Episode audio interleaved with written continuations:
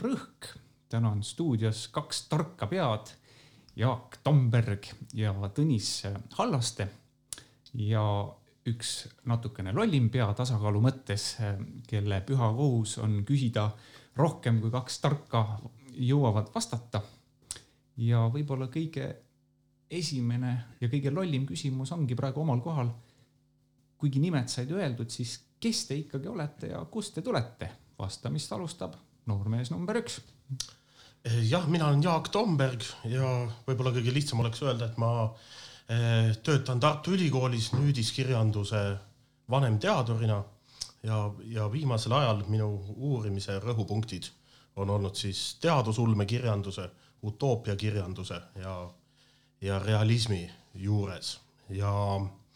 eh, võib-olla, mis mind võib-olla, mis mind siin analüütilise probleemina viimastel, viimastel kuudel ja aastatel on huvitanud, on äh, ulme staatus ja saatus maailmas, mis on või kultuuriruumis, mis on süvenevalt tehniline, tehniliselt üha küllastuvam. selge, Tõnis. just äh,, olen Tõnis Hallaste, nagu öeldud ja olen äh, tegelikult ameti poolest olen äh, Raatuse kooli emakeeleõpetaja, emakeelekirjanduse aga ähm, olen väga pikalt ulmega tegelenud ka, et äh, nii kirjutajana kui ka arvustajana. Ähm, ja olen vist üks, äh, üks alla viie või alla, või alla kümne, no kuulun väiksesse seltskonda, kes on Eestis kirjutanud magistritöö ulmekirjanduse teemadel. Ähm, kirjutasin teadusulmes äh, tegutsevatest tehisentiteetidest ja inimese suhtest tehnoloogia jah, sa oled väga eksklusiivses seltskonnas, ma arvan jah, et neid inimesi on seal kuskil viie ja kümne vahel, rohkem küll äh, ei ole. aga et tegelikult võib-olla julgen ka seda mainida, et ma vist, et äh, on ulmeajakiri Reaktor, kus ma iga kuu äh, arvustan eelmisel kuul ilmunud jutte, nii et ma olen üsna, peaks olema vist üks väheseid, kes on nii sina peal Eesti ulme nüüd lühiproosa hetkeseisuga, et võib-olla seda julgen enda kaitseks veel öelda mm. -hmm aga kui võtta hetkeks pisikene samm tagasi enne edasiminekut, et kuidas teie tee kirjanduseni üldse välja nägi, mitte pikalt, aga kas, kas näiteks kuskil lapsepõlves oli mingisugune sihuke sümbolhetk, kus te hammustasite läbi, et vot kirjasõna ja, ja sõnamaagia on, on just see, mis, mis eriliselt kutsub. kas oli mingi sihuke hetk kunagi kuskil? Ma ei tea, vist mina vist kahtlustan, et, et nii väga konkreetset ei olnud, et mina oma teed kirjanduse juurde kuidagi liialt glorifitseerida või, või, või mingil moel eepiliseks väga muuta ei saa, et aga äh, keskkoolis lugesin Kafkat ja kusagilt, kusagilt sealt see tee minema hakkas. ma ise mäletan, et kui ma kaheteistaastane umbes olin, siis teleris näitas väga palju üht reklaami, mingi Nikkei nugade reklaam ma vaatasin seda reklaami millegipärast väga palju, sest ma vaatasin telekat väga palju. Ja täiega aktiveerus minus selline parodeerimise tung. Ja ma kirjutasin ka oma esimese lühikese jutukese. Ähm, ühel öösel mõtlesin, et ma pean mingisuguse teksti sellest kirjutama ja siis äh, kirjutasin ühe lühikese jutukese, kus äh, mingi mees, kellel on Nikkei nuga tema Excaliburiks ja ma ei tea, mis ta seal kõike tegi sain väga noorelt kirjutada, aga ma mäletasin enda üllatust, et ühe lehekülje peale läks tund või rohkemgi. selge, kuna tänase saate teema on väga tagasihoidlikult ja kitsalt määratletud, ulme ja võib-olla ka kõik, kõik olmeline, mis on minemas üha ulmelisemaks, siis millised teie lemmikud on just ulmevaldkonnast, kas teil on mingisugune kirjanik näiteks, kes on südames eriliselt äh, soojal kohal? Uh,? Äh, need lemmikud muutuvad läbi aja, võib-olla äh, kuidagi võib-olla ebaoriginaalne võib tunduda rääkida just noh, pöörduva klassikute poole, aga äh, mäletan seda, iga aasta mind tabab mingi tüüni vaimustus peaaegu iga aasta, kus äh, jälle loen ja näiteks kõnnin mööda, mööda tänavat ja püüan mõtteis freeminiks kehastada, kes, kelle iga samm on äh, ütleme nähtamatu. iga sammuga teeb ennast nähtamatuks. mingid, äh, see on, aga teiste kirjanike puhul on ka, no see on üks minu nauditavamaid emotsioone, mis ma ulmest olen saanud, aga äh, see selline vajadus ümber kehastada. võib-olla Enderi mäng oli ka kunagi väga sihuke võimas elamus ja ma ja seda ma ka julgen soovitada ka kõigile, kes ei, kes ei ole ulmesõbrad, sest et see on ka meeldinud kõigile mu tut-, kõigile mu tuttavatele, kes ei ole ulmeinimesed mm. -hmm. ja minu jaoks, ma arvan ikkagi see kirjanik, kes on juhtunud minuga ka aastakümneid kaasas käima, on, on Kanada-Ameerika autor William Gibson ja, ja võib-olla kui, kui ma nüüd selle peale sisuliselt mõtlen, siis ilmselt kõige enam just teatud laadi väga väga isikupärase ideo-, idiosünkraatilise proosastiili pärast, et mitte tingimata niivõrd äh, maailmade pärast, mida ta esile manab, vaid sellepärast, kuidas ta seda teeb. ja võib-olla metafüüsilisema poole pealt siis ikkagi kogu see väljakutseid esitav Ida-Euroopa seltskond, Strugatskid ja, ja loomulikult Stanislav Lem. Selge, aga Eesti ulme kuidas hetkeseis tundub, on teil mingisugune ülevaade või, või häid soovitusi viimasest ajast? see vist on Tõnisele küsimus. Rohkem. Äh, see, äh, kui rääkida üksikautoritest, siis äh, ma ise pole tegelikult pikalt neid väga palju Eesti nüüdisulmekirjanike romaane lugenud kuidagi natukene juhuslikult, aga kui on miski ka väga Äh, Hugh märgistatud justkui olnud ulmikute seas, äh, siis olen tahtnud ikka sellega tutvuda ja äh, üks selline, mis sai ka mitu aastat tagasi ära, ära märgitud no, romaani võistlusel, oli Triinu Merese Lihtsad valikud, et see mulle väga meeldis ja seda lugedes ma tundsin, et kui see kui see kuskil suuremas riigis oleks avaldatud äh, ütleme Ameerika keeleruum, noh inglise keeleruumis kuskil Ameerikas kasvõi,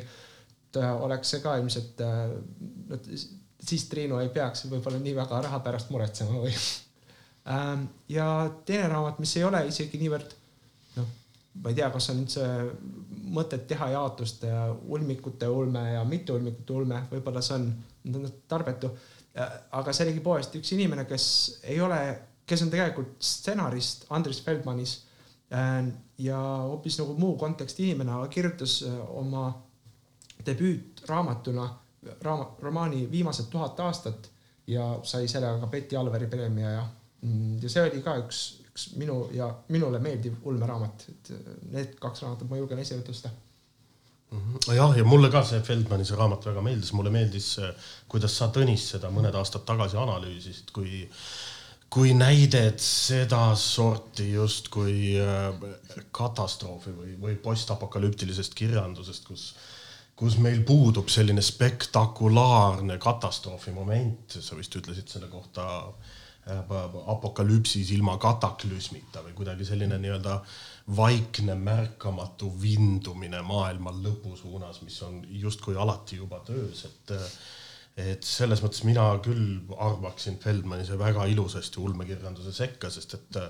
sest et mida ta teeb oma, oma tulevikulist maailma nagu äh, esitades, noh, see raamat äh,, see raamat räägib siis sellest, kuidas äh,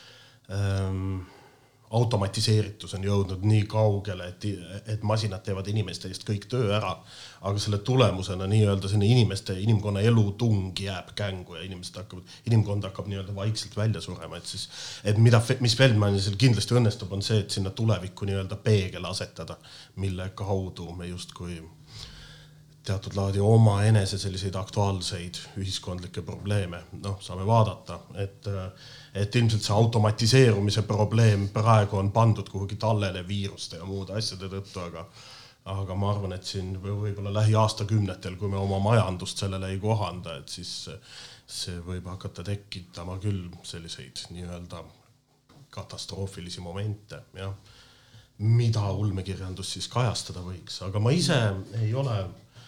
viimaste aastate Eesti ulmekirjandusele veel tiiru peale teinud, ma teen seda varsti, kui ma hakkan Eesti düstoopiaid uurima, aga eh, ma olen praegu tegelenud selliste vanemate ja klassikalisemate tekstidega ja ja mis minu jaoks on olnud siin viimase paari aasta huvitav avastus, on tegelikult õigupoolest Huku Maasingu isiklik arhiiv, tema, eh, tema juures Tartus Hurda tänaval, kui te lähete sinna nende raamaturiiulite vahele, et siis te leiate sealt tõesti täiesti sellise muljetavaldava äh, ulmekirjanduse kogu ka ja äh, kõik Herberti düünid ja äh, James Graham Ballard on seal olemas. mis mind ulmeuurijana veel eriti, mis mind üllatas, oli see, et oli see, et Maasingul oli seal juba seitsmekümnendatel aastatel siis tõenäoliselt riiulis ka Ühendriikide kirjandusteadlase Darko Subini, meie jaoks siiski enam-vähem uurijate jaoks krestomaatiline raamat teadusulme metamorfoosid, mis praegu on noh, igal uurijal enam-vähem laua peal ja tal oli see saksakeelses versioonis seal olemas. ja, ja võib-olla kui, kui ma enda poolt midagi soovitaks lugeda, siis Uku Masingu kirjavahetust Kalju Kirdega, kes oli vist matemaatik, kes elas Saksamaal ja, ja nad kahekesi praktiliselt oma kirjavahetuses kõnelesid ka ainult ulmekirjandusest, sõrmuste isandatest kuni tõesti Ballarditeni ja Olav Stapletonideni välja. Äh, Uku Masing oli neid kõiki lugenud, äh, sõltumata sellest, et äh, ta vist ühes-kahes tekstis tegeleb üleüldse ulmekirjandusega. noh, niimoodi analüütiliselt, see ei olnud miski, millest ta nagu kirjutas, aga sellest kirjavahetusest tuleb välja, et see oli miski, millega ta noh, oli väga lähedalt kursis ja kursis ka suhteliselt nii-öelda hiljutiste asjadega oma kaasajas ja ka nagu klassikaliste asjadega. ja et äh, seda siis on tõesti huvitav lugeda, jah, Kirde saatis Maasingule siis Saksamaalt ulmekirjandust, et Maasing seda siin saaks lugeda. ja võib-olla veel üks asi, mis väga hästi resoneerub kuidagi tänapäevaga, aga mida mida Masing nägi või tabas ära juba hoopis teistsuguses ideoloogilises kontekstis aastal, eh, kui ma ei eksi, siis umbes tuhat üheksasada seitsekümmend kaheksa, kui ta vaatas seda sellist eh, ulmekirjanduse üldpilti eh, ja leidis, et, et kuidagi enam ei osata unistada parematest maailmadest või ta rääkis selle kohta väga huvitavalt, minu meelest see väljend oli jah, et ainult halva eest hoiatatakse ja et, et selliseid unistusi ja soove on ulmekirjanduses kuidagi nagu vähem. noh, selle võib siis sellisesse nii-öelda moodsasse keelde tõlkida, ta ütleb, et, et düstoopiate osakaal või, või ülekaal utoopiate üle on väga-väga suur ja, ja see on huvitav, et ta nägi seda justkui juba siis. tema ise pidas sellist nii-öelda Äh, võib-olla düstoopiate esilemanamist äh, pigem sellise nii-öelda juba olemasoleva järelekordamiseks ja võimendamiseks. et äh, ta oli ulmekirjanduse suhtes selles mõttes nõudlikum, et ta tahtis kujutlusvõimelt hästi palju, jah. mõelgem, mõelgem paremate maailmade peale, mõelgem hõlvamalt, hõlmavamalt, mõelgem kogu kujutlusvõimet välja pannes, et see oleks siis võib-olla minu lugu Uku Masingust tänaseks seoses ulmega võib-olla see negatiivsusele keskendumine on ka kuidagi mingisugune evolutsiooniline taak, et see on meie sihuke savanniaju pärand, et me võime endale evolutsiooniliselt lubada seda, et me jätame mõtlemata mingisuguse positiivse mõtte, aga me ei saa jätta kartmata, me ei saa jätta mõtlemata halba mõtet, sest see võib meile maksta nagu elu et või noh, sealt tuleb see. kahtlemata jah, et me peame oma hirmudega tegelema justkui kõigepealt ja mm.. ja loomulikult düstoopiatel selles osas on väga suur diagnostiline väärtus, et, et düstoopiad õpetavad meil ikkagi selliseid nii-öelda potentsiaalseid allakäiguteid kujutlusvõimeliselt kuidagi sisustama. ja düstoopiatel selles mõttes on väga suur hoiatav funktsioon, aga, aga noh, näiteks tänapäeva Hollywoodis me näeme ka sellist äh,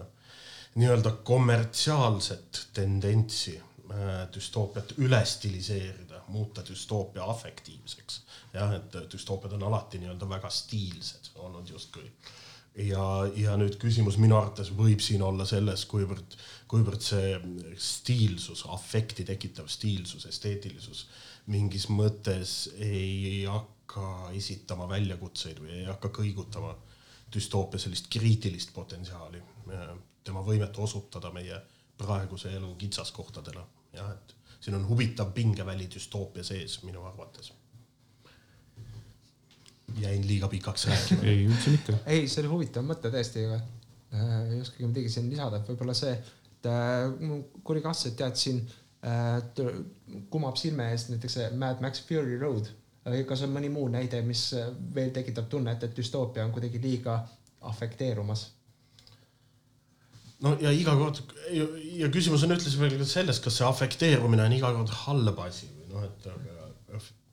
Mad Max, ma arvan, on ikkagi ka suhteliselt nii-öelda ökokriitiline teos, vist sõltumata, ma arvan, sõltumata sellest bensiinist, mida nad seal filmis taeva poole põletavad, aga,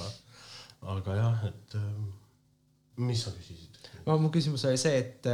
kas lisaks Mad Maxile on mingeid muid näiteid ka, sest äh, sest et äh, mulle tundub see natuke nagu söaka väitena see, et, äh, et äh, postapokalüptilised teosed on muutumas aina kuidagi selliseks äh, stiilipõhisemaks või kuidagi see, noh, või selle noh, afektipõhisemaks, aga et nad, nad äh, jah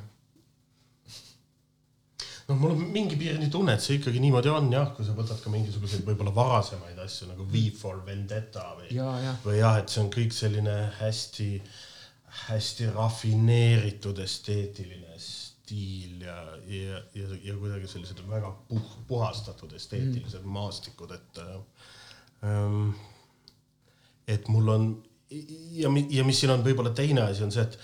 et äh, üpriski suur äh, hulk düstoopiaid järgivad mingit sorti võrdlemisi sarnast äh, noh, loolist või narratiivset mudelit, alates noh, praktiliselt klassikalistest düstoopiatest jah, Orwell või Huxley või, või, või Bradbury, kus noh, mingis mõttes jah, lavastatakse teatud laadi indiviidi ja kogukonna vahelist konflikti ja siis ikkagi üpriski sarnastes loolistes skeemides, et siis mul on tunne, et äh, praeguse aja selline Hollywoodi düstoopia meelelahutus ähm, noh, pigem lavastab neid, lavastab neid stsenaariumi ka suhteliselt ühetaolistena mm. -hmm. et see on lihtsalt mõtlemise koht, ma ei ütle, et neis yeah. puudub kriitiline yeah. potentsiaal, aga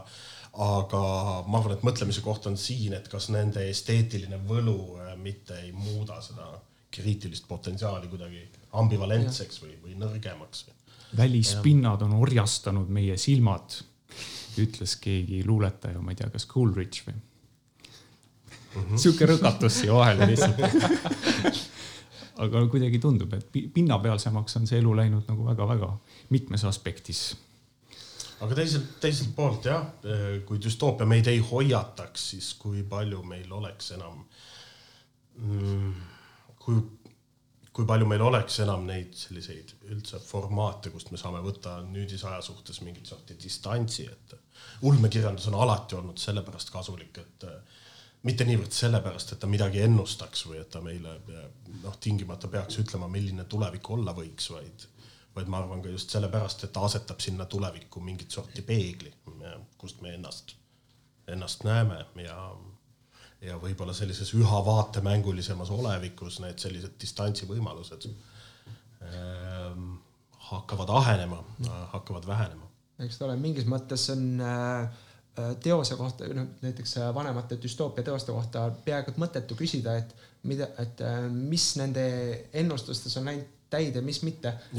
selles mõttes, et need on ju niikuinii, kui nad kirjeldavad hetke, hetkeseisu või mingit hetkeolukordi ja ekstrapoleerivad neid ja kuidagi viivad lõpuni välja, siis paratamatult oleme sellesse jõudnud või noh, et no jah. jah, et noh, näiteks ma arvan, võib-olla see, võib-olla see nii-öelda Covid üheksateist eriolukord on siin selles mõttes just huvitav näide, et kevadel, kui oli see esimene laine märtsis, hakati väga palju küsima, et kuidagi, et olukord on tunnetuslikult ulmeline, kas ulmekirjandus on midagi niisugust ette näinud ja noh. Eh, ja, ja kui võtta võib-olla siis lahti selline nii-öelda viiruse leviku põhiliin, mis päädib ikkagi sellise spektakulaarse zombikatastroofiga, et siis äh, siis siin need tunderõhud ei ole õiges kohas, aga võib-olla nad on õiges kohas näiteks, näiteks sellise nii-öelda viimase mehe troobi juures, kus noh, keegi ärkab hommikul üles, avastab, et ta on ainus inimene linnas, et noh, siis ma ei tea, märtsis kõndida sellises suhteliselt tühjas linnas. vot siin oli aru saada, et teatud laadi ulmekirjandus noh, kindlasti asetas ka selle olukorra suhtes tunderõhud õigesse kohta, jah mm. -hmm. Mm. enne kui me muusikalisele pausile läheme ma küsin lihtsalt äh, kiiresti ära, et äh, kui kellelgi teisel tekkis ka kõhtu surin just selle Uku Maasingu arhiivi osas, et kuidas sinna üldse pääseb, peab sinna kirja panema ennast kuidagi või lihtsalt võid kohale paterdada ja, ja jalaga ukse lahti lüüa? ah vot seda ma arvan, tuleb, tuleb Uku Maasingu seltsile kirjutada jah, et äh,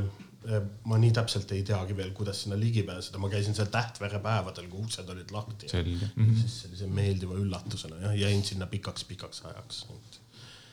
Mm, aga on vist olemas jah, kas Uku Maasingu kolleegium või kes siis seda arhiivi haldab, et sedakaudu pääseb ligi küll. no selge, kuulge, kas kuulame muusikat?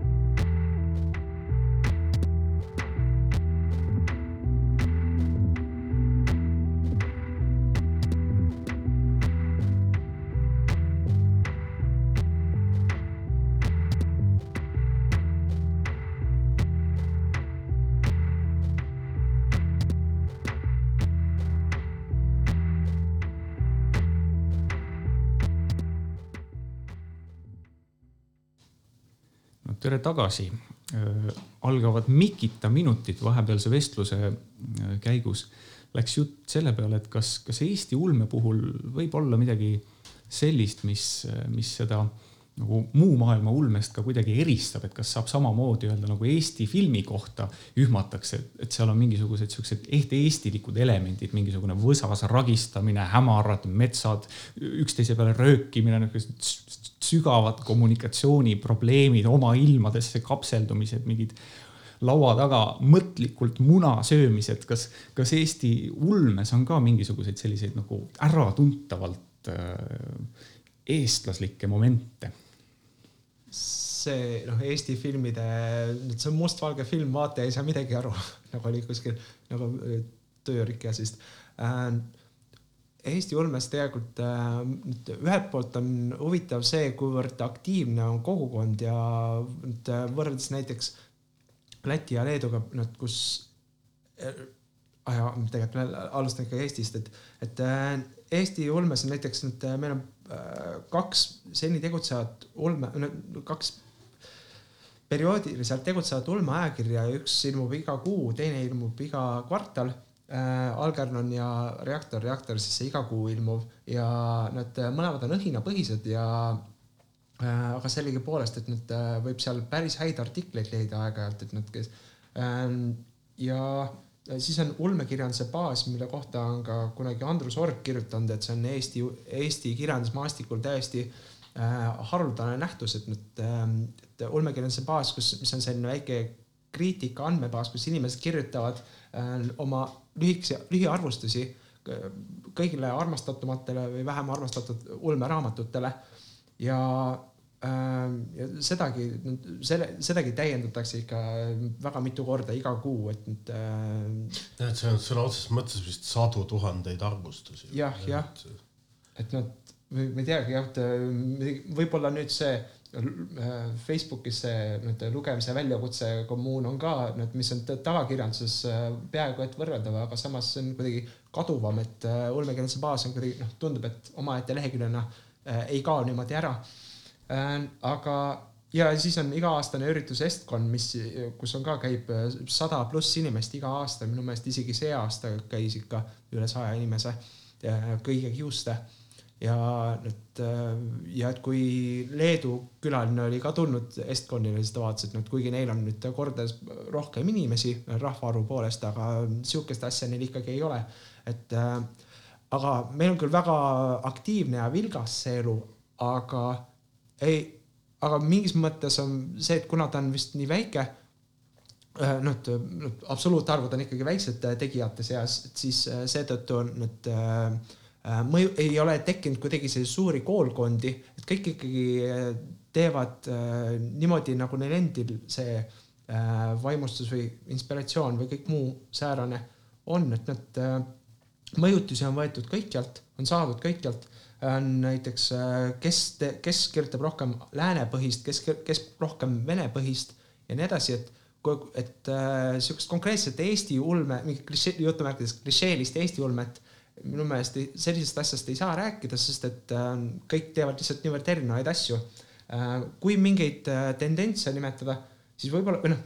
võib-olla see on küll tore, et äh, võrd-, võrreldes sellega, et äh, võib-olla aastakümneid tagasi või noh, või aastakümme tagasi, kümme aastat tagasi inimesed veel põdesid kuidagi rohkem seda, et ei saa Eesti konteksti asetada ulmet, seepärast et see ei ole kuidagi tõsiseltvõetav. Nüüd, nüüd aga sellest ängist on kuidagi üle saadud, nii nagu muusikaski, et nad äh, varem ikkagi pidid laulma inglise keeles, et oleks autentne, et äh, praegu see on, see on jabur et Eesti ulmes nad äh, selle, noh, Ameerika konteksti jaburuseni ei ole veel jõutud, aga sellegipoolest, et Eesti konteksti mitte jaburuseni küll. et tege-, et tegevus toimub ikka kas tuleviku Jõgeval või alternatiivses Elvas, et. just, või, või siis seal äh, nagu Paavo Matsinil seal Viljandis no kui nimetada Paavo Patsi, Paavo Matsinit või Mehis Heinsaart ka,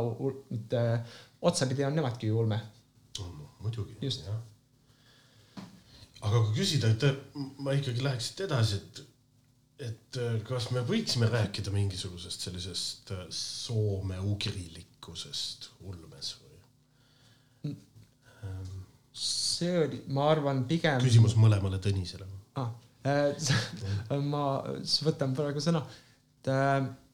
varem oli võib-olla rohkem tajuda seda, kuidas prooviti etno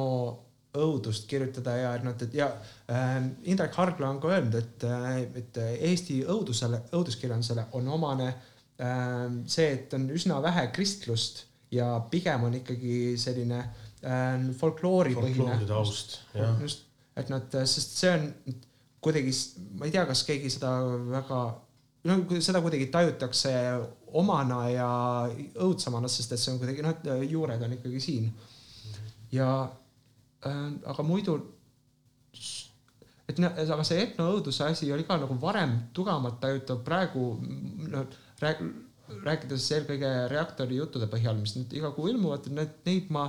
neist ma ei taju väga tugevat, tugevat jälle sellist koolkondlikku asja etnoõuduse poole pealt, et nad, mõni kirjutab, ilmub jälle üks libahundi tekst, kus on väga, nüüd ei ole mitte lihtsalt, et keegi vaatab täiskuud ja siis läheb murdma, vaid ta ikka teeb oma kolm ringi ümber kivikese ja,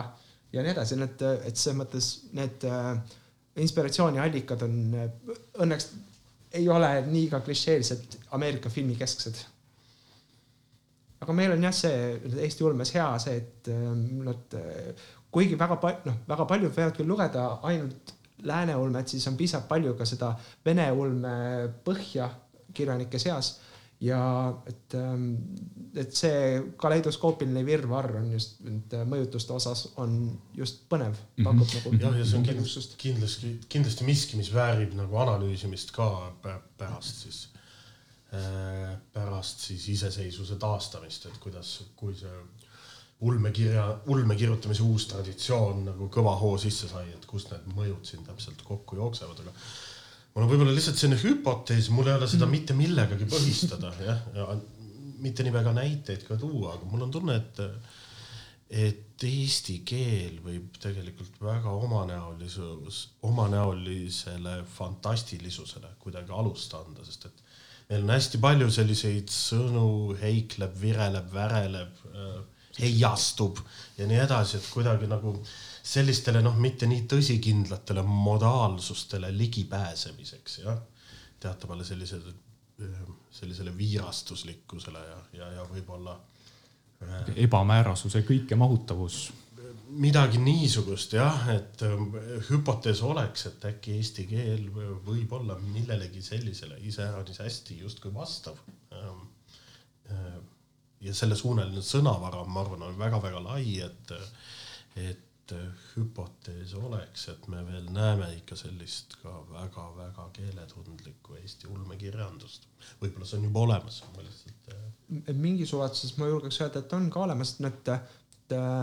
autorid, keda ma julgeksin noh, sellise keeletundlikkuse poolest esile tõsta, nüüd üks oli äh, seesama Triinu Meres, siis mm -hmm. äh, Manfred Kalmsten on ka kirjutanud äh, eelkõige lühijutte ja ta on, tal on ka äh, jutukogu, jutukogu väljas ja ta on ka sellise äh,,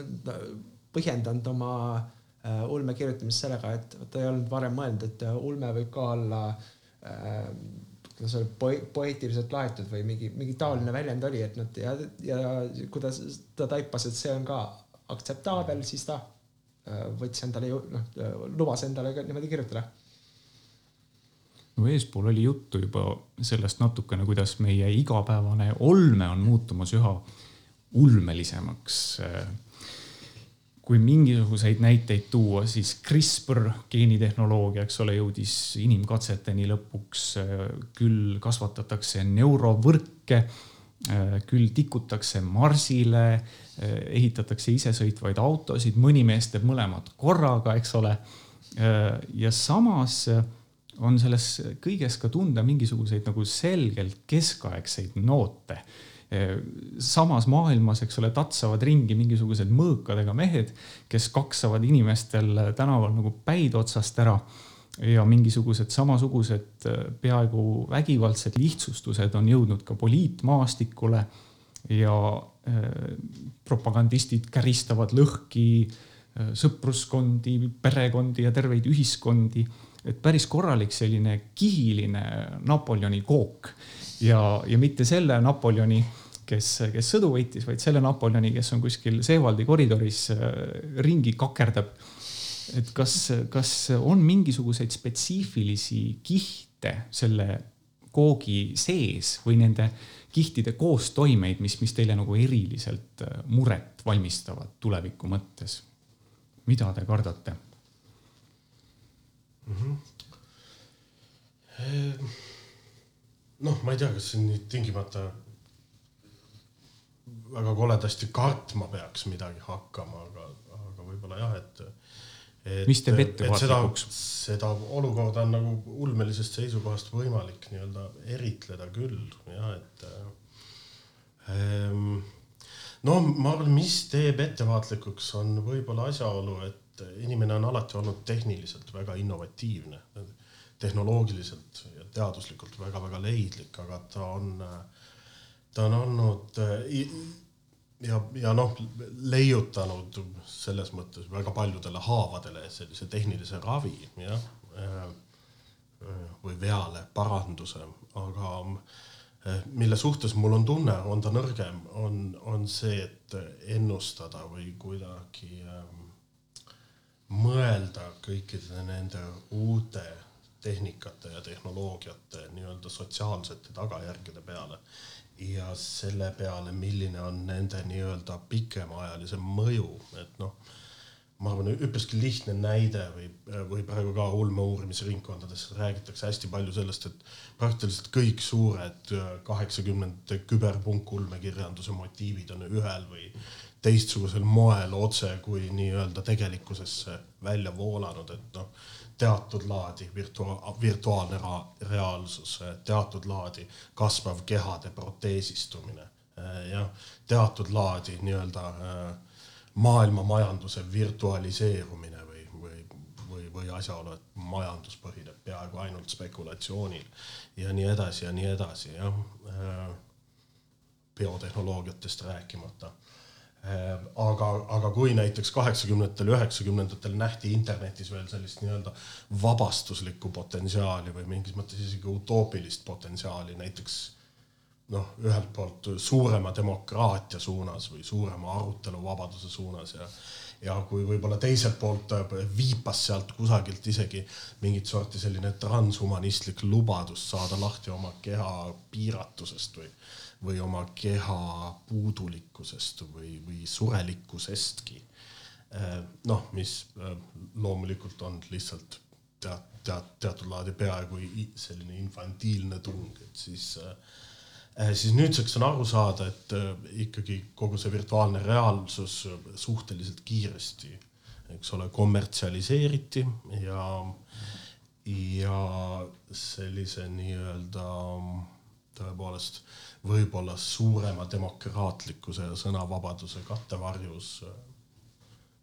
vohab mingit laadi äh, Äh, afektidel ja võrdlemisi äh, madalatel tungidel apelleeriv populism ja, ja poliitika kui siis teatud laadi, võib-olla juba isegi reklaaminduse alamharu, noh. Ähm, ja, ja nii võib täiesti edasi minna jah, et kui, kui ulmekirjandus kunagi tema, temas on ka teatav nagu prognostiline või ennustav komponent, siis me näeme, et algoritmides see sa, sama laadi tehniline ennustuslik komponent noh, juba toimib, kui me, kui me mingit sorti, ma ei tea, kasvõi voogedastusplatvorme kasutame ja endale midagi soovitada laseme, et siis äh, mingisugused ennustuslikud mehhanismid, mis minu meelest on läbinisti ulmekirjanduslikud, on on töös juba siin ähm, iga kord, kui ma klapid pähe panen võib-olla ja Spotify sisse lülitan, et ähm, ja nii edasi ja nii edasi, aga et jah, äh, teisisõnu äh, pikk jutt lühidalt kokku võtta, siis mul on tunne, et inimene on tehniliselt väga-väga leidlik olnud alati, aga ta ei ole nii läbinägelik olnud ähm, et ette näha. Nende tehnoloogiate sotsiaalsete laiemate pikemaajaliste tagajärgede suhtes nii-öelda jah. see on jah kuidagi huvitav olnud jälgida, kuidas et äh, internetti meil on, igaühel on taskus äh, kogu maailma teadmised. Aleksandria raamatukogu on meil kõigil äh, tagataskus olemas või taskus olemas ja, ja seda kasutatakse eelkõige selleks, et noh, aega lihtsalt mööda tirutada või, või noh, mis või millised nurjatused seal veel taga on no mitte, mitte isegi individuaalselt, aga ka laiemalt sotsiaalselt, eks ole. ja, aga rõõmu tasub tunda, rõõmu tasub tunda selle eest, et äh, meil need teadmised on seal tagataskus et. Äh, ei, selles mõttes jah, ma tõesti. positiivseid asju, jah. et seda, seda last me jah, pesuveega äh, kuidagi jah, välja ei heidaks, aga ära ei heidaks. aga just, et sellesse küberneetilisse mütseeli vajudes siis meid on ilmselt haaranud äh, hirm, hirm ja segasus ja, ja, ja seda suurem ka see lihtsuse janu ilmselt mingite noh, lihtsa elu lihtsate vastuste ühesuse janu.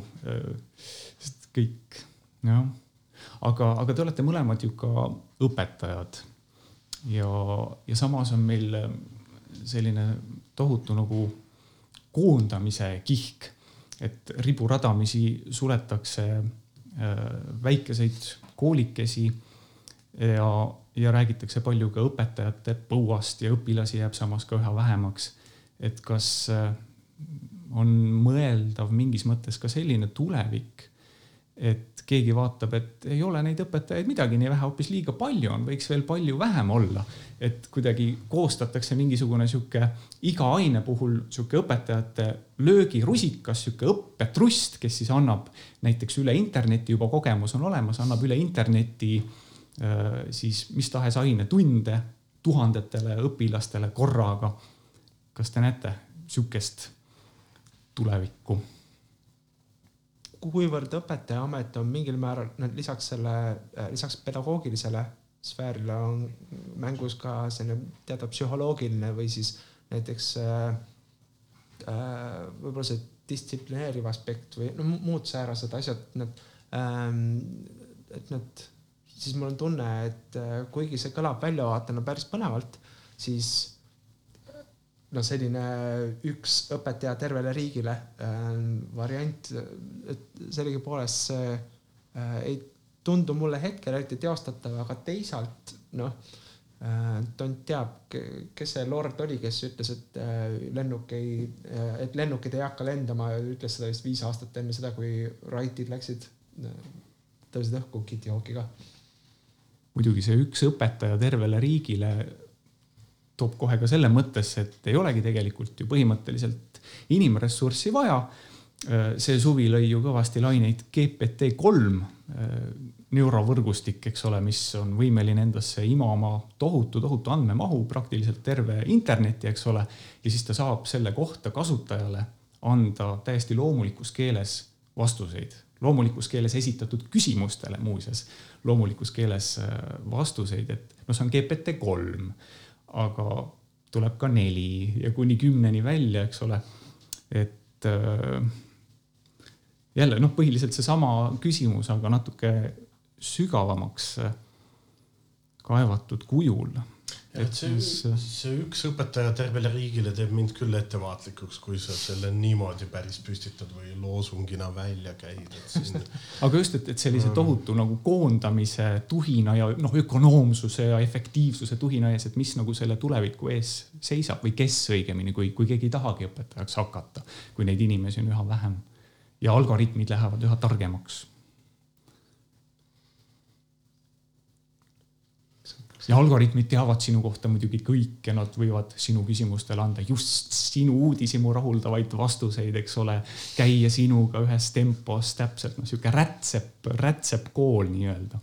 no ma arvan, et see on sihuke juba laiapõhjalisem ühiskondlik visioon, mille sa ise ulmekirjanikuna võib-olla peaksid ka ära kirjutama või realiseerima, et ma ei ole kindel, kas ma oskan nii-öelda nii kaugele tulevikku vaadata, isegi kui see tulevik võib olla viie minuti pärast, aga aga võib-olla, mis mul siit äh, sellest aastast tõesti meelde jäi, on see selline nii-öelda hariduselu virtualiseerumine siis jah. just, just ähm, ja siin on nüüd oma positiivsed ja oma negatiivsed aspektid, et tegelikult minu meelest väga positiivne oli see, et ähm, avastati, et niisugusteks isolatsiooni olukordadeks on meil tegelikult ikkagi väga palju juba välja töötatud tehnilisi lahendusi. ja ma arvan, et väga-väga suur hulk õpetajaid ei olnud enne väga suurt analüütilist tähelepanu nendele lahendustele pööranud. aga, aga nüüd nähti, et, et need võimaldavad üpriski kitsastes oludes üpriski palju asju ära ajada, et see on nagu see, see on nagu see üks asi, mis minu meelest on positiivne mis negatiivne on, ma arvan, on, on ikkagi kõik see, mis, äh, mis puudutab inimeste reaalset nii-öelda kehalist, reaalset lävimist, jah, ühes ja samas ruumis, et üks asi on õiendada kogu see haridus ära kuidagi virtuaalselt, aga, aga äh, aga teine asi on siiski pöörata tähelepanu asjaolule, et me minu arvates ei ole lihtsalt ajud kusagil purgis, et, et me oleme ühtlasi ka ähm, noh, kehalised olendid, ka afektiivsed olendid, emotsionaalsed olendid ja palju võib-olla sellest mõõtmest puht virtuaalselt. Ähm, noh, kui ta just kaduma ei lähe, siis ta vähemalt teiseneb mingile muule kujule. ja et ähm, mul on tunne, et just kogu see nii-öelda korporeaalne kehaline aspekt on, ähm, on miski, mida veel väga kaua nii-öelda ei asendata, jah. mida on raske asendada või mida on raske ammendada. hetkiti on mul isegi tunne, et kui vaat-, jälgin koolis, kuidas õpilased näiteks kannatavad ühe või teise õppeaine käes, et äh, kooli funktsioon hästi väheke olekski justkui äh, mitte üksnes õpetada neid aineid, vaid äh, pakkuda õpilastele neid väljakutseid, et nad äh, ühelt poolt ühiselt need äh,, nad selle tee läbi käiksid aga teisalt, et ka igaüks individuaalselt saaks kuidagi noh, selle kannatuste raja nii-öelda noh, me kannatuste raja ühesõnaga läbi käia. või no muidugi kannatuste rajaks nimetada õppimist ja olen natuke liiga, aga ma püüan siin elada sisse õpilase noh, psühholoogiasse. aga kui te niimoodi oma nii-öelda kasvandikega küberruumis kohtusite bittide ja, baitide kujul sel kevadel. kuidas teil üldse läks, kas, kas see on töötamine kodust või on see kodu muutumine töökohaks? ma tajusin seda töötamisena kodust, et, äh, et mul, mul nagu väga äh, kodurahu rikkumist ma selle juures ei tajunud kuidagi, et ma et jah, need, see kuidagi minu jaoks ei sõitnud nii väga sisse sellesse, millisena ma tajusin kodu kui keskkonda. Äh, või kui, siis võib-olla tõesti natuke see, äh, ma ei tea, kontor, kontorituba omandas teistsuguse tähenduse mõnevõrra, aga mitte niimoodi, et mitte ka ülikaalukalt. jah, ja ei, minule see ka ei sõitnud tegelikult sugugi sisse ja et äh, et teatud, teatud piirini üle võrgu, noh näiteks kevadel ma tegin seminari, teatud piirini saab seda teha väga-väga sujuvalt. Ja ähm, mul isegi teatud hetkel äh, tekkis niisugune tähelepanek, et mõned seminarid äh, läksid selles mõttes väga-väga hästi, et inimesed olid äh,, olid tõesti ikka väga hakkajad ja avameelsed ja kuidagi rääkisid väga-väga aktiivselt kaasa, mul oli kohati isegi tunne, et, et paremini kui mõnikord äh, isegi nii-öelda reaalses seminari ruumis. ja siis mul äh, tekkis küll äkki selline mm, kuidagi kahtlane hüpotees, et, et võib-olla me oma igapäevas olemegi juba sellise telesiltsuse või telepresentsiga sedavõrd ära harjunud, et meie jaoks on see juba kuidagi isegi loomulikum või orgaanilisem või vabam või mugavam. Mugavam ongi olla ajupurgis, me võib-olla tahamegi natuke olla ajupurgis. Siis meid, siis meid ei saa puutuda, me oleme oma turvalise nagu klaasi taga, eks ole. aga ma jätaks selle sellisesse võib-olla staatusesse mm -hmm. jah, et kummatigi mulle mingisugustel hetkedel mulle küll tundus nii, aga, aga siis jälle teistel hetkedel on tunne, et äh, vot mingisuguseid asju on ikkagi ähm, noh, palju sisulisem arutada, kui sa väga täpselt näed inimeste vahetuid reaktsioone ja inimesed näevad ka sinu reaktsioone, et et ähm, aga tasub, tasub mõelda, kuivõrd, kuivõrd nii-öelda,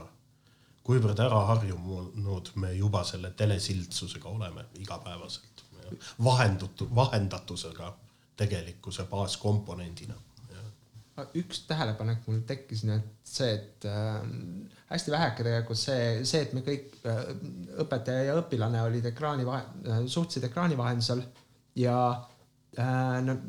et nad olid natuke minu külas, mina natuke nende külas ja nüüd see mingisugune vahet, natukene vahetum oli küll kui muidu. aga ma ei tea, kui väga ma sellel oskan pikemalt peatuda, võib-olla ainult see, et äh, selline klassikaline äh, pedagoog, pedagoog on klassi ees ja ja no hakkab, hakkab teadmisi jagama või hakkab teilt äh, kontrolltöö tegemist nõudma. olukorda niivõrd ei saanudki tekkida. Äh, kui näiteks õpilane näitab oma kassi mulle või noh, või muud säärast, mis ei olnudki nagu suur üleastumine selles tunnis igatahes, sest et noh, see piirid olidki juba natuke hõredamad sel hetkel aga hapramad. selles võrrandis õpetajad ja kasvandikud, kummale see ümberlülitumine loomulikum tundus või kummal libedamalt läks, kas siis nendel noortel õpilastel või õpetajatel või kas, kas õpilased tundsid ennast nagu pigem hästi selles olukorras või mina natuke nagu olen kõrvalt vaadates kade olnud, et ma väga hea meelega oleks oma koolis kodust käinud mitte füüsiliselt kombinaati kohale minna äh, hästi suure töö on teinud ära lapsevanemad, et selles mõttes äh, õpilased ilmselt ei oleks üksi hakkama saanud kogu selle digimajandusega. Ähm, nii et võib-olla ma ei julge öelda, et äh, kummalgi oleks see eriti palju loomulikult äh, läinud, et need õpetajad said hästi palju informatsiooni näiteks äh, haridustehnoloogidelt ja muult selliselt, äh, et hästi palju tuge sai õpetajate vahelt ja näiteks koolist ja nii edasi. ja, ja nad ja see, need juhised sai saadetud õpilastele ja õpilased said siis noh, eriti nooremad said siis abi oma vanematelt ja ma ei kujuta ette, kui, kui palju nemad pidid äh, nad selle, selle raskuse käes, raskuse käes kannatama. harjunud oled küll mõtlema selle, selle peale, et Äh, või noh, harjunud mõtlema niimoodi, et äh, õpetajad on vanem generatsioon, nooremad on no, nooremad ja nemad järelikult äh, on noh, nad on ju üles kasvanud internetiga ja nad peaksid justkui seda kõike palju paremini jagama. aga neid konkreetseid õppeportaale nad äh,, nad ei hinga niimoodi nagu, ma ei julge isegi öelda Facebooki, sest et nad ei, nad ei kasuta sedagi enam, nii et noh ilmselt see üldine järeldus siin oleks, et erinevas vanuses inimeste hulgas leidub ikkagi täiesti erinevaid inimesi, kes on tehnikaga rohkem või vähem sina peal mm. -hmm. kui me kujutame ette sellist äh, tulevikku, kus igaühel on, eks ole, tark mees taskus, kellelt võib küsida kes iganes, mida iganes, siis, siis tegelikult kas, kas ikkagi nii saab olla, isegi kui need äh, neurovõrgud arenevad väga ilusti välja, on väga noh, targad siis tegelikult seesama mõõgaga mees, kelle, kellest saate alguses jutt oli, kes lõikab inimestel päid otsast ära, saab ju samamoodi küsida, et kuidas oma tööd edendada, oma põldu paremini, efektiivsemalt künda. Ja ühesõnaga on olemas ohtlikke küsimusi, kas neid tohib küsida, on olemas, kui küüniliselt mõelda, ohtlikke küsimusi ju ka selles mõttes, et ma võin küsida, kui mul on mingi terviseprobleem, sellelt targalt mehelt taskus, et kuidas ma segan kokku mingisuguse ravimi koduste vahenditega, mida mul vaja on tehisintellekt äh, suunab mind hoopis metsa, eks ole, taimed on olemas, palun tee, keeda. Äh, siin on õiged vahekorrad ja mida iganes kas ravimifirmad vaatavad seda siis lihtsalt nagu käed rüppes pealt. et jah, jah, äh, sõida, eks ole, meie korporatiivsetesse huvidesse rahuga sisse ja me, me nagu ei tee midagi. et keegi alati jääb ilmselt neid infokanaleid ju nii-öelda haldama, keegi on alati väravavaht ja ilmselt selle korporatiivse väravavahi huvides on, on see, et kui mina oma küsimustega tema huvisid riivan, et ma kindlasti saaksin kas poolikuid või siis vähemalt nagu väga kallutatud äh, vastuseid. et milline tulevik meid ikkagi nagu ees võib oodata, kas see, et meil on tark mees taskus või see, et meil on mingisugune pooltark mees taskus, kes annab meid, meile pigem selliseid vastuseid stiilis, et mine sinna poodi ja, ja oh, täna on kinos see lahe film, et, et kas ja, ja, ja, ja milline on üldse kooli roll tegelikult selles, selle tuleviku valguses, võib-olla tuleviku koolis üldse väljastatakse nii-öelda lubasid küsida küsimusi või, või lubasid küsida üha ohtlikumaid küsimusi või üldse väljastada lubasid selle nii-öelda kõrgema klassi intellektiga, tehisintellektiga suhelda, et see ei ole nii-öelda lihtsate inimeste asi üldse. et nemad pigem las nokerdavad seal oma asja oma poolikute vastustega ja, ja maksame nad nii-öelda kodanikupalgaga ka kinni mis puutub äh, sellistesse väravahtidesse, siis äh, mul endal tunne, et äh, et pigem on probleem selles, et just ei tekitata selliseid väravahte, nad, et selles mõttes, et nad, see info levik on praegu suhteliselt piiramatu, suhteliselt ohjeldamatu ja see viibki noh, igas, igasuguste ideede, teooriate levimiseni, mis, mis on sama valiidsed kui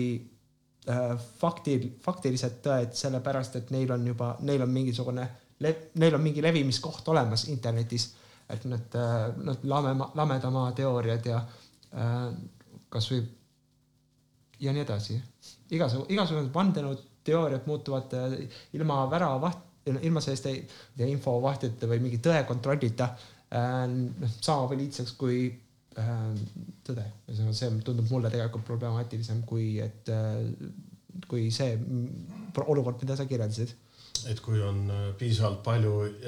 piisavalt palju hääli, mis üheskoos räägivad üks mis tahes asja, siis see asi hakkab ise valideeruma ja teatavat moodi sellise fakti nägu võtma või, või nagu tõsikindluse nägu võtma. et no kuskilt kuulsin, keegi ütles, et nüüd äh, kuidas te saate äh, mitte uskuda ühessegi vandenõusse, sest äh,, sest lõpuks on ikkagi see, et mida rohkem on vandenõusid, siis äh, üks neist lõpuks peab osutuma tõeks, seepärast et noh, kus suitsu seal tuld.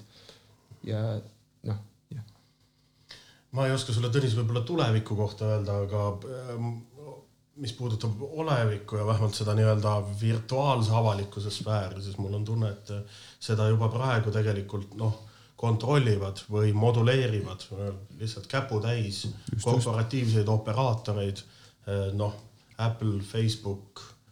Amazon, Alphabet ja nii edasi. seda, seda ühest küljest ja, ja teisest küljest kogu see virtuaalse avalikkuse sfäär on just nimelt aja, aetud võimalikult nii-öelda afektiivsele pinnale, kus on põhiparameetriteks nii-öelda sõnumite lühidus, sõnumite edastuskiirus ja nende väga kiire ununemine ja, ja järgmiste sõnumite pealetulek, nii et me oleme ühelt poolt olukorras, kus tõesti äh, see ruum on korporatiivselt väga hästi kontrollitud, teisest küljest sind hoitakse väga hästi selle ruumi kütkes ja kolmandaks, kuivõrd äh, asi on läinud nagu afektiivsele pinnale siis väga raske on selles ruumis esitada ka nii-öelda ennustamatuid ja ohtlikke küsimusi. jah, et see on võib-olla asi, mille peale mõelda. Milline on enam üldse ohtlik küsimus? vot sel ettevaatlikul noodil ongi vist paslik tõdeda, et see aeg, mis meile anti, on möödas